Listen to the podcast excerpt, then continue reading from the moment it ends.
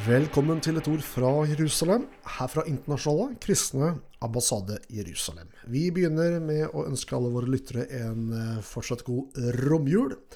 Og tittelen på dagens første bolk i denne sendingen, det er 'Et barn er født i Betlehem'. For det er jo slik at på alle kontinenter og i alle nasjoner er det nå mennesker som eh, feirer Jesu fødsel i disse dager.